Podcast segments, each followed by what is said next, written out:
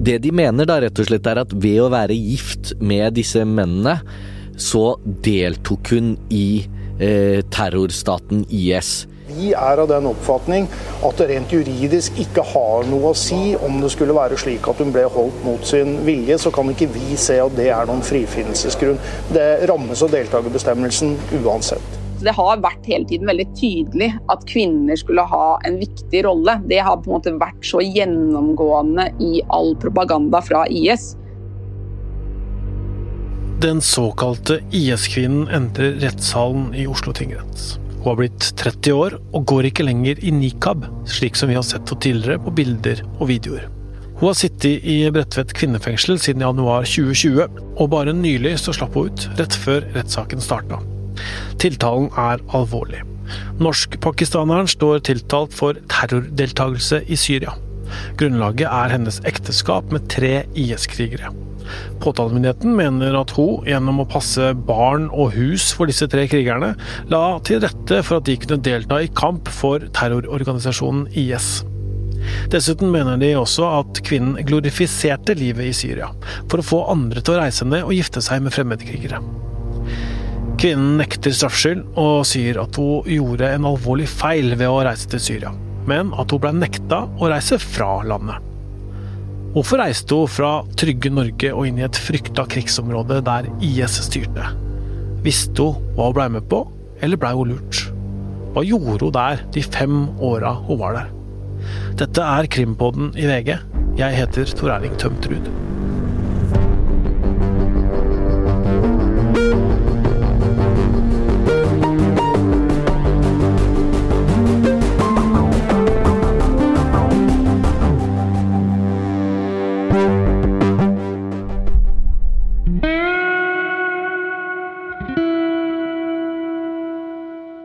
I denne episoden skal vi på mange måter ta dere med på en reise fra Norge til Syria, og hjem igjen. Et land med en frodig kyst, ørken i øst og en rik kulturarv. Et land med stolte tradisjoner. Men det er også et land der befolkningen er sterkt prega av krig. Mitt navn er Kyrre Lien, og jeg er Midtøsten-reporter for VG. Akkurat nå så befinner jeg meg i Syria, i en liten by som heter Derek og den ligger i det kurdisk-kontrollerte området. Litt lenger nord så har du Tyrkia. Litt lenger øst så har du Irak. Når jeg står eh, og ser ut av vinduet nå i denne lille landsbyen, så kan jeg skimte en moské i det fjerne. Jeg hører lyden av generatorer, fordi strømmen den gikk nå nettopp. Det er eh, motorsykler som farter på gata, det er lukten fra shawarma-sjappa i første etasje. Og det er egentlig ganske stille og rolig i denne byen. Men ikke så langt utenfor her så er det en liten leir som heter Al-Roj-leiren. I den leiren så er det 2000 kvinner som sitter, som alle har eh, ulik tilknytning til IS. Og inni denne leiren så sitter det to norske kvinner. En som heter Aisha, og en som er kjent fra Åsne Skeierstad sine bøker, den såkalte Søsteren. Og dette er eh, kvinner som har vært venninner av eh, kvinnen som nå er tiltalt hjemme i Norge. Det jeg håper på er at i morgen så skal jeg kunne reise til denne leiren, forsøke å få disse kvinnene i tale, og kanskje også få møte dem. Høre hvordan de har det, og hva de tenker om denne tiltalte kvinnen hjemme i Norge. Så er jeg jo også veldig interessert i å høre hvordan de har det, hvordan stemningen er der. Eh, hvordan de ser for seg fremtiden, og ikke minst ønsker de å komme seg hjem til Norge. Men alt dette er fremdeles uh, uvisst her jeg står og ser utover byen. Så jeg får egentlig bare håpe på det beste.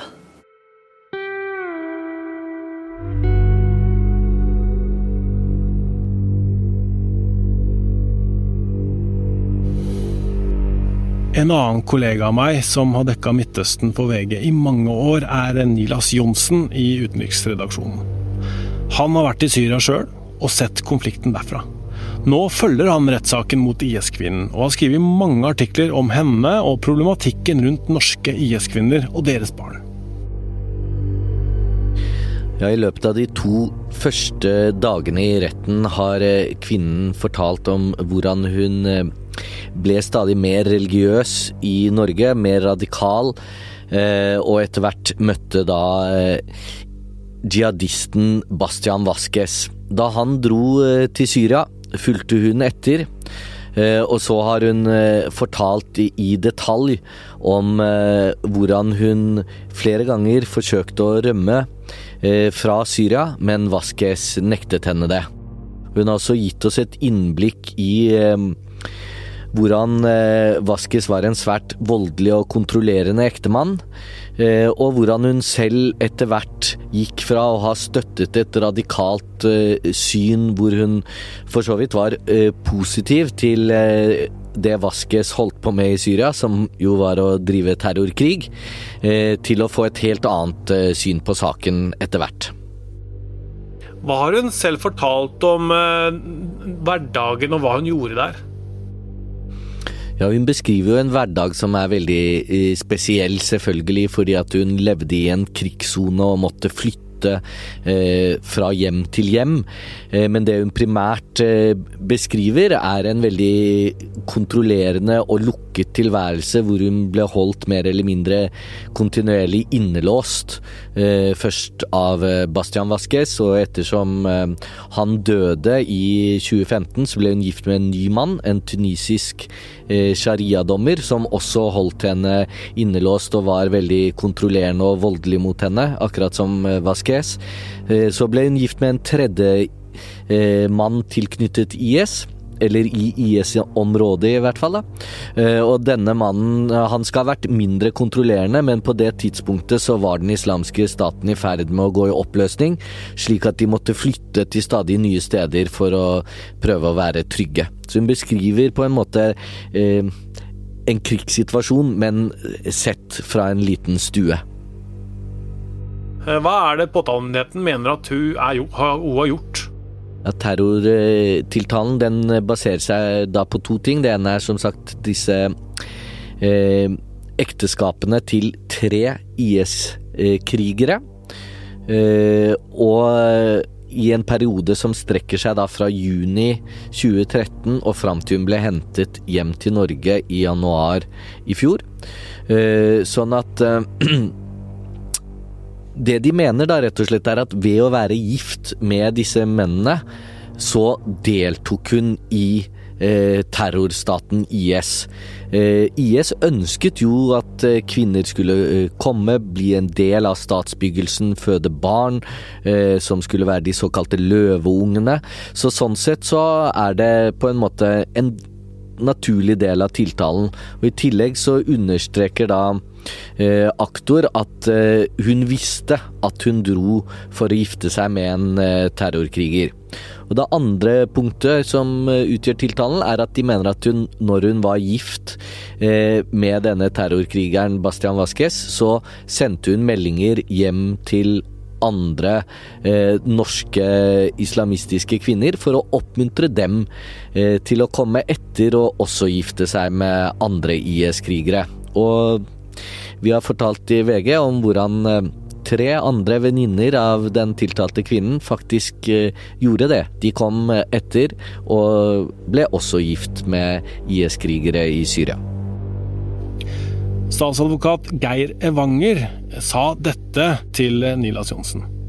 Eh, det at hun eh, var ufri i Syria, eh, og at denne ektemannen utøvde volden mot henne, nektet henne å forlate landet, det har kommet frem allerede dag én.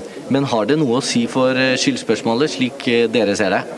Nei, altså Nå er vi jo på dag én, og vi vil jo få mye mer om dette. og Vi vil også få stilt en del spørsmål. Men vi er av den oppfatning at det rent juridisk ikke har noe å si om det skulle være slik at hun ble holdt mot sin vilje. Så kan ikke vi se at det er noen frifinnelsesgrunn. Det rammes av deltakerbestemmelsen uansett. Så det avgjørende er at hun visste at hun skulle gifte seg med en terrorkriger da hun dro til Syria. Har vi forstått det riktig da? Nei, ikke nødvendigvis helt avgjørende, men vi mener jo at det er helt sentralt at hun reiste ned og hadde kunnskap om det, og at hun da ikke kunne komme seg hjem igjen, mener vi da ikke får noe avgjørende betydning for, for vurderingen av det rent juridiske.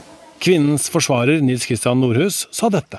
Den terrortiltalte 30-åringen tydelig visste at eh, mannen hun dro til Syria for å gifte seg med, Bastian Vasques, var en eh, kriger for Nusra-fronten.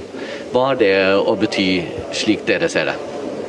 Det har hun eh, forklart helt fra sitt første politiavhør, da hun ble avhørt allerede på Ullevål sykehus etter at hun kom til landet. Og det er noe som ikke har betydning, etter vår oppfatning, for spørsmålet om hun skal straffes eller ikke. Men hun sier at denne mannen sendte henne meldinger hvor han beskrev halshugginger, hvor han beskrev bombeaksjoner, og at hun fniste og lo av det. Hvordan kan det ikke ha noen betydning for uh, en tiltale som gjelder nettopp terrordeltakelse? Det hun beskrev, det var en mann som kjempet for Nusra Eh, tilbake da i 2012-2013. Og så beskrev hun at eh, hans kamp var mot Assad-regimet. Og det var en kamp som hun den gangen, eh, på det tidspunktet, mente at var en riktig kamp pga. de grusomhetene som al-Assad-regimet hadde begått mot egen befolkning. Dette er jo en oppfatning som hun i dag ikke lenger har, men det var slik hun tenkte den gang. Men det er ikke bare kvinnens egen skjebne som det snakkes om i retten. Også skjebnen til en ett år gammel gutt blir tema. Gutten var født i Norge og ble tatt med til Syria av sin mor. Den tiltalte kvinnen forteller hvordan ettåringen blir utsatt for grov vold i Syria, og seinere døde av skadene. Ja, eh, her forteller hun jo da om at en av disse ektemennene eh, begikk eh, grov vold mot denne lille gutten, som til slutt medførte at han døde. Eh, hun gjengir dette selvfølgelig i større detalj, men vi går ikke inn i de detaljene, for, fordi dette er en pågående etterforskning hos Oslo-politiet, som ikke har konkludert i den saken. Men det er en rystende sak, og forsvarerne mener at dette er en sak som er relevant, fordi den er del av et bilde om hvordan hun levde i et fryktregime under disse ektemennene, da. Og selve tiltalen er jo knyttet til at hennes terrordeltakelse er da, ifølge tiltalen, gjennom nettopp disse ekteskapene. Så det er derfor denne saken har vært relevant.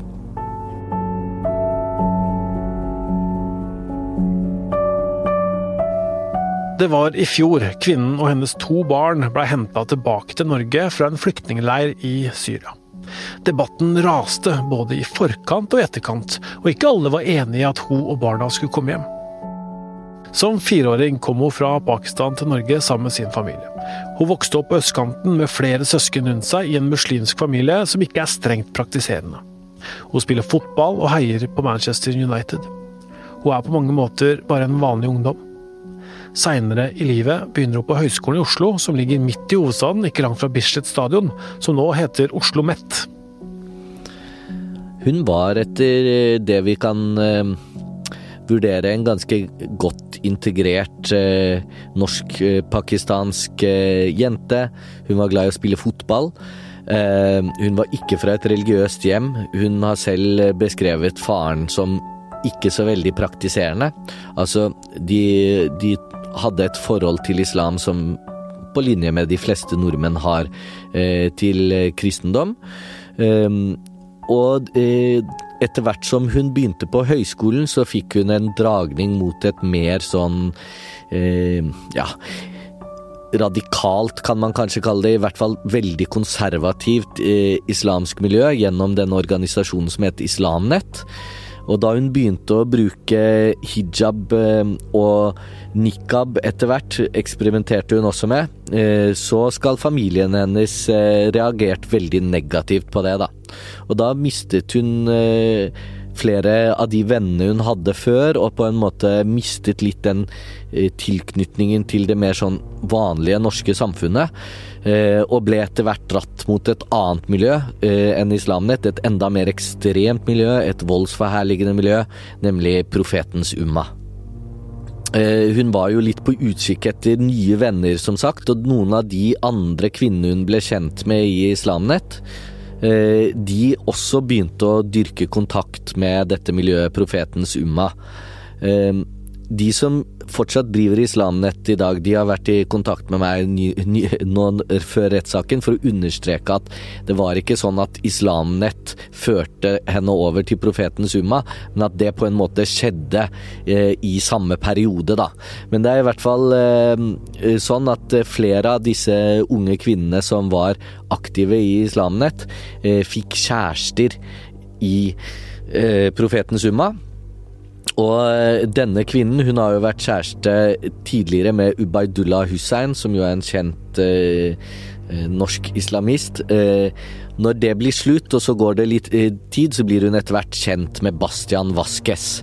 Og det er det som etter hvert skal føre henne til Syria. Noe skjer altså på universitetet. En video NRK har publisert, viser henne når hun for første gang prøver en nikab, et heldekkende hodeplagg der man kun ser kvinnens øyne. I videoen forteller hun at faren ikke liker det konservative plagget. Først så eh, fatter han interesse for henne fordi hun skriver en del sånn ekstreme ting på eh, sosiale medier, eller sånn lukkede chattegrupper eh, hvor folk fra dette Profetens Umma-miljøet var aktive, da. Eh, så begynner de å gå på tur, og ja, de har, et, har et fysisk forhold i Norge som hun beskriver, uten å gå i detalj om det. Men eh, hun introduserer ham til faren, og faren liker ham ikke. Han eh, vil ikke at hun skal gifte seg med, med Vasques, men Vasques frir. Faren vil at hun i stedet skal gifte seg i et arrangert ekteskap med en fetter fra Pakistan. Det vil hun ikke. Så da Vasques drar eh, til Syria, eh, så bestemmer hun seg for å dra etter. Eh, og det kritiske punktet her er eh, at eh, Vasques med en gang han dro til Syria, knyttet seg opp mot Jabhat al-Nusra, eh, kjent som Nusra-fronten, som er en terrororganisasjon allerede da i i denne perioden, eller driver i hvert fall en terrorkrig, og etter hvert blir stemplet som en terrororganisasjon. Eh, og Vasques hadde allerede beskrevet eh, grusomme krigshandlinger til denne kvinnen. Allikevel så følger hun etter ham, og i februar 2013, etter å ha reist via Sverige og Tyrkia, så krysser hun grensen inn i Syria sammen med Vasques. Og det som skjer nå, er dramatisk, ifølge hennes egen forklaring. Det hun beskriver, er at uh, veldig raskt eh, kommer i en situasjon der hun på en måte eh, mister kontrollen over sitt eget liv. ved at Vasques utvikler seg til å bli en veldig voldelig og kontrollerende ektemann. Samtidig som hun ser at det opprøret mot Assad-regimet, som hun visste at eh, Vaskes var en del av, eh, også er en mye mer eh, grusom og komplisert borgerkrig, hvor det skjer mange hendelser som hun tar avstand fra. Bruk av Hun nevnte i retten i dag f.eks. at hvordan personer som stjeler f.eks. fikk kuttet av hånden, så den type sånn sharia-straffer. Hun var ikke klar over at alt dette skulle skje, men hun er da ufri til å forlate Syria fordi eh, Vasques nekter henne å dra, rett og slett. Det er eh, hennes forklaring. Bastian Vasques er død, og da kan ikke han forsvare seg mot anklagene som kommer mot ham i retten. Lyden du hører nå er fra en propagandavideo for IS. Videoen viser en mann med svart fullskjegg, halvlangt, bølgete svart hår og caps på hodet. På ryggen henger det et stort våpen. Han viser kameramannen rundt, han peker og forteller. Mannen på videoen er norsk-chileneren Bastian Vasques. Mannen som IS-kvinnen gifta seg med, og som hun etter hvert fikk en liten gutt med. I videoen forsvarer han oppbyggingen av et kalifat, og snakker om den kjente IS-lederen Abu Bakar al-Baghdadi. En mann vi kommer tilbake til litt seinere i episoden. Det blåser, er sterk sol, og han er omgitt av gul sand. Han går i tradisjonelle klær og snakker engelsk. Hun forteller at uh, hun hadde begrenset mulighet til å ta kontakt både med familien og venner fordi hun hadde begrenset tilgang til nett, og at i perioder så uh, tar han, uh, Bastian Vasques, kontroll over telefonen sin. Men hun får gitt beskjed til faren om hvor hun er. Um, og faren kommer da ned for å treffe henne. Dette er ikke et land som man bør ta lett på å reise inn i. Sikkerhetssituasjonen er uoversiktlig. Det har kosta mye penger og satt farens liv i betydelig fare. Nå er han avhengig av hjelp fra personer han ikke er trygg på. Hjemme i Norge sitter en yngre søster. Hun venter nervøst på å få et livstegn fra faren, gjennom den krypterte tjenesten WhatsApp. Hun vil vite hvor han er, og hvordan det går. I en av meldingene som tikker inn, skriver han Jeg vil bare forsøke å hjelpe henne ut, men er litt usikker på veien men har ikke mista håpet, med vennlig hilsen pappa. Han har beskrevet eh, det til meg, jeg har intervjuet han en del ganger. Og han eh, beskriver hvordan han eh, lot seg smugle inn i Syria, en veldig farlig og risikofylt reise. Etter hvert får han da truffet datteren og skjønner at hun ønsker å komme seg ut av landet, og han forsøker å overtale da ektemannen til å la henne dra. I retten så har eh, tiltalte forklart at uh, Vasques da skal uh, ha truet henne med at hvis hun fortsetter å klage og mase, så skal han skyte faren hennes i hodet. Og hun sier da at hun hadde grunn til å tro uh, at den trusselen var alvorlig ment, fordi hun hadde da allerede fått beskrevet fra Vaskes hvordan han og andre IS-krigere hadde eh, slått og torturert eh, faren til de to kvinnene som er kjent som to søstre, gjennom den boken til eh, Åsne Seierstad. Så må vi ta et, et forbehold om at alt dette tiltalte for, forklarer, det kan man ikke konfrontere Bastian Vasques med, eh, for han eh, døde eh, han er i hvert fall antatt død, man har aldri funnet liket hans, men han døde, kan man slå fast, i 2015. Eh, sånn at han kan jo ikke svare på noen av disse anklagene, men det er i hvert fall det hun forteller, at faren kom inn, prøvde å få henne ut, ble nektet. Farens forsøk på å hente henne hjem i 2014 mislykkes. Han må reise hjem uten datteren. IS er i utgangspunktet en irakisk jihadistgruppe som ble etablert i 2013.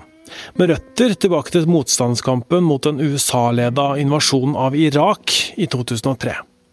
Gruppa, som ble leda av Abu Bakar al-Baghdadi, blanda seg inn i konflikten i Syria. Til slutt så styrer gruppa en tredjedel av Irak og store deler av Syria. Dette kommer de til å gjøre i flere år. Syria rives på mange måter i fillebiter med ufattelige lidelser for lokalbefolkninga.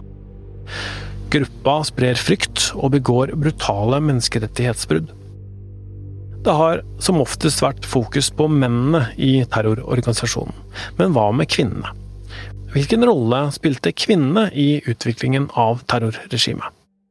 Muslimske kvinner skulle spille en, en, viktig rolle i hele dette prosjektet. Og på en måte skulle utgjøre ryggraden da, i dette fellesskapet som de forsøkte å, å skape. Dette er Linda Nord fra Minotenk, som er minoritetspolitisk tenketank. Hun kan si mer om hva hun veit om kvinnenes betydning i terrorgruppa. Den viktigste rollen, og den mest utbredte rollen, har jo vært å være koner og mødre Altså den støttefunksjonen som IS ønsket at kvinner skulle ta. Det gikk ut på å være hjemme, ta seg av barn, eh, føde barn, eh, og ikke minst ta seg av den eh, stridende ektefellen. Det har vært også noen mindre avdelinger som har vært såkalte kvinnebrigader. De fungerte som et slags moralpoliti. Og har også vært rapportert om, men det er ikke veldig godt dokumentert, at det også skal ha vært noen mindre kvinneavdelinger innen sikkerhet og etterretning og spesialoperasjoner. Og så er det også to andre viktige roller. Det ene er eh, å være aktive med rekruttering. Og det fjerde er å være aktive i spredning av propaganda. Og det jeg vil hevde, er i hvert fall at det har helt klart gjort det mye mer attraktivt for menn å reise til IS. Eh, at det var mulig for dem å gifte seg som en del av den pakka. Selv om det i starten kunne se ut til at drømmen for mange av dem som reiste ned, var i ferd med å bli oppfylt, altså et kalifat, så gikk det fort nedover. Så etter hvert så ble det nok veldig veldig alvorlig og vanskelig for veldig mange. Og ikke minst også særlig for de som kommer eh, og har vokst opp i vestlige land, så må nok også den overgangen fra eh, den mer likestilt eh, samfunnsorden til eh, et så vanvittig strengt patriarkalsk system som IS satt i verk, da, med at kvinner faktisk skulle hovedsakelig holde seg innendørs. Eh, helst ikke gå ut i det hele tatt, med mindre de absolutt måtte, og da kun med tillatelse fra ektemann eh, eller far. Og ikke minst også den volden som etter hvert ble bare tydeligere og tydeligere. Så ble nok mange ganske desillusjonerte av det de opprinnelig hadde trodd at de skulle være med på, da, som skulle være et viktig frigjøringsprosjekt for, for muslimer, som egentlig endte i en eneste stor voldsorgie. Vi er i april 2015. I en eksplosjon som er knytta til produksjon av bomber, dør jihadisten Bastian Vasques. Det er etter dette at kvinnen oppretter kontakt med advokat Bjørn Nærum. Der ber hun om hjelp til å komme tilbake til Norge. Ja, for da har hun jo fått, eh, fått en eh, sønn med Bastian Vasques, og det er stor skriftlig dokumentasjon mellom da eh, denne kvinnen som tar kontakt med denne advokaten, og advokaten som tar kontakt etter hvert med den norske ambassaden i eh, den tyrkiske hovedstaden Ankara. De sier vi kan hjelpe denne kvinnen med å skaffe reisedokumenter til sønnen. Norske ambassaden sier det kan vi skaffe, men da må du komme deg til grensen. Eh, og dette er i 2015. Eh, og kvinnen blir da etter kort tid giftet bort til en annen IS-kriger, som også var sharia-dommer. Og hun beskriver at han ikke lot henne dra. Sånn at det ble aldri noe av den eh, evakueringen fra Syria. Men det betyr at norske myndigheter fra eh, våren 2015 var klar over at denne kvinnen ønsket å komme seg ut. Det kan hun eh, dokumentere i form av disse brevene som ble sendt av denne advokaten.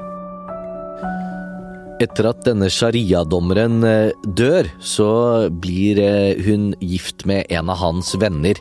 Eh, og denne tredje ektemannen, da, det er litt omstridt i retten om han var IS-kriger eller, eller, ikke.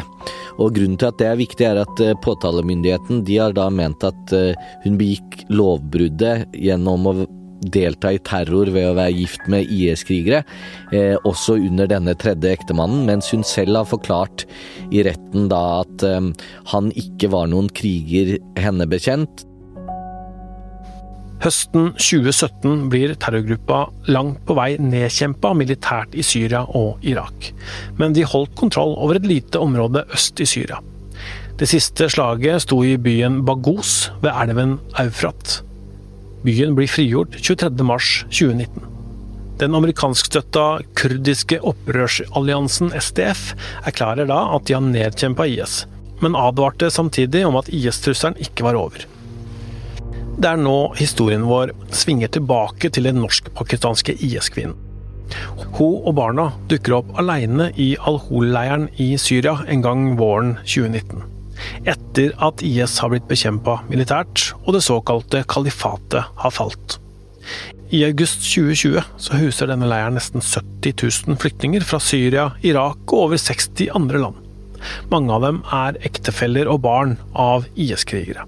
Blant dem også flere norske kvinner og barn. Utenriksjournalist Nilas Johnsen forteller. Hva gjør hun da når hun kommer til den leiren? Ja, da ganske tidlig så eh, snakker hun med flere medier eh, og med faren sin og forteller at hun ønsker hjelp. Hun begynner å appellere veldig sterkt til norske myndigheter om at hun eh, har tatt avstand fra IS, og at hun vil hentes hjem. Eh, så hun fornyer på en måte da den søknaden som hun hadde eh, inne fra 2015, om at hun ønsker konsulær bistand og hjelp. Og det hun bruker som sin hovedbegrunnelse, er at eh, sønnen, denne gutten hun fikk med Bastian Vasques, er alvorlig syk og trenger helsehjelp som han ikke kan få i Al-Hol-leiren. Det faktum at denne gutten eh, var syk, og i hvert fall veldig, veldig undervektig. På et tidspunkt så eh, veide han i en alder av fire år omtrent det samme som en norsk ettåring. Eh, og han hadde en diagnose som kunne ha vært cystisk fibrose. Eh, og det var det kanskje, det får vi aldri helt vite, men i hvert fall eh, så var han alvorlig syk, og etter hvert så fører det til at presset mot norske myndigheter blir så stort at de bestemmer seg for å hente henne hjem i en eh, hemmelig aksjon. Debatten skaper dyp splittelse i regjeringen, og for noen var nok dette dråpen som fikk begeret til å flyte over. Siv Jensen og Frp gikk ut av regjering. Det var hensynet til guttens helse som blei tungtveiende for at uh, norske myndigheter henta dem hjem. Regjeringen frykta at gutten skulle dø hvis han blei værende i leiren. Det som er viktig, er at de kommer tilbake, og at dette barnet som er antatt å være syk, kan få en behandling eh, i Norge, og som sørger for at vi ikke kommer i en situasjon som hadde vært veldig vanskelig for oss alle hvis eh, vi hadde hatt et eh, norsk barn som eh, kunne fått hjelp, eh, men som vi ikke var villige til å gi det hjelp. Idet hun lander på Gardermoen, blir hun pågrepet av PST. Barna blir tatt hånd om av barnevernet, og deres helsetilstand er nå unndratt offentligheten. VGs reporter i Midtøsten, Kyrre Lien, kom seg inn i flyktningleiren i Syria. Der fikk han prata med en av kvinnene der. Hun vil ikke bli tatt opptak av, men Kyrre gjenforteller. Det er hvite telt som strekker seg ganske langt nedover. Det er omkring 2000 kvinner som bor der. De aller fleste av de er eh, europeere, visstnok. Og det er da altså to norske kvinner som bor i denne leiren. Nå sitter vi her i eh, en bil som dundrer nedover den syriske landsbygda.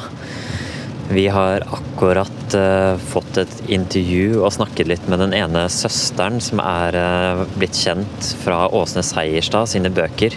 Hun kan ikke forstå den tiltalen som påtalemyndighetene nå har reist mot uh, kvinnen hjemme i Norge. Hun kan ikke forstå at, eh, at, myndighetene mener at ved å ta vare på barn og familien, så er man en del av et terrornettverk. Hun kan ikke forstå at det er noe kriminelt. Det eneste hun har gjort, er jo å passe hus og barn og holde hjemmet rent.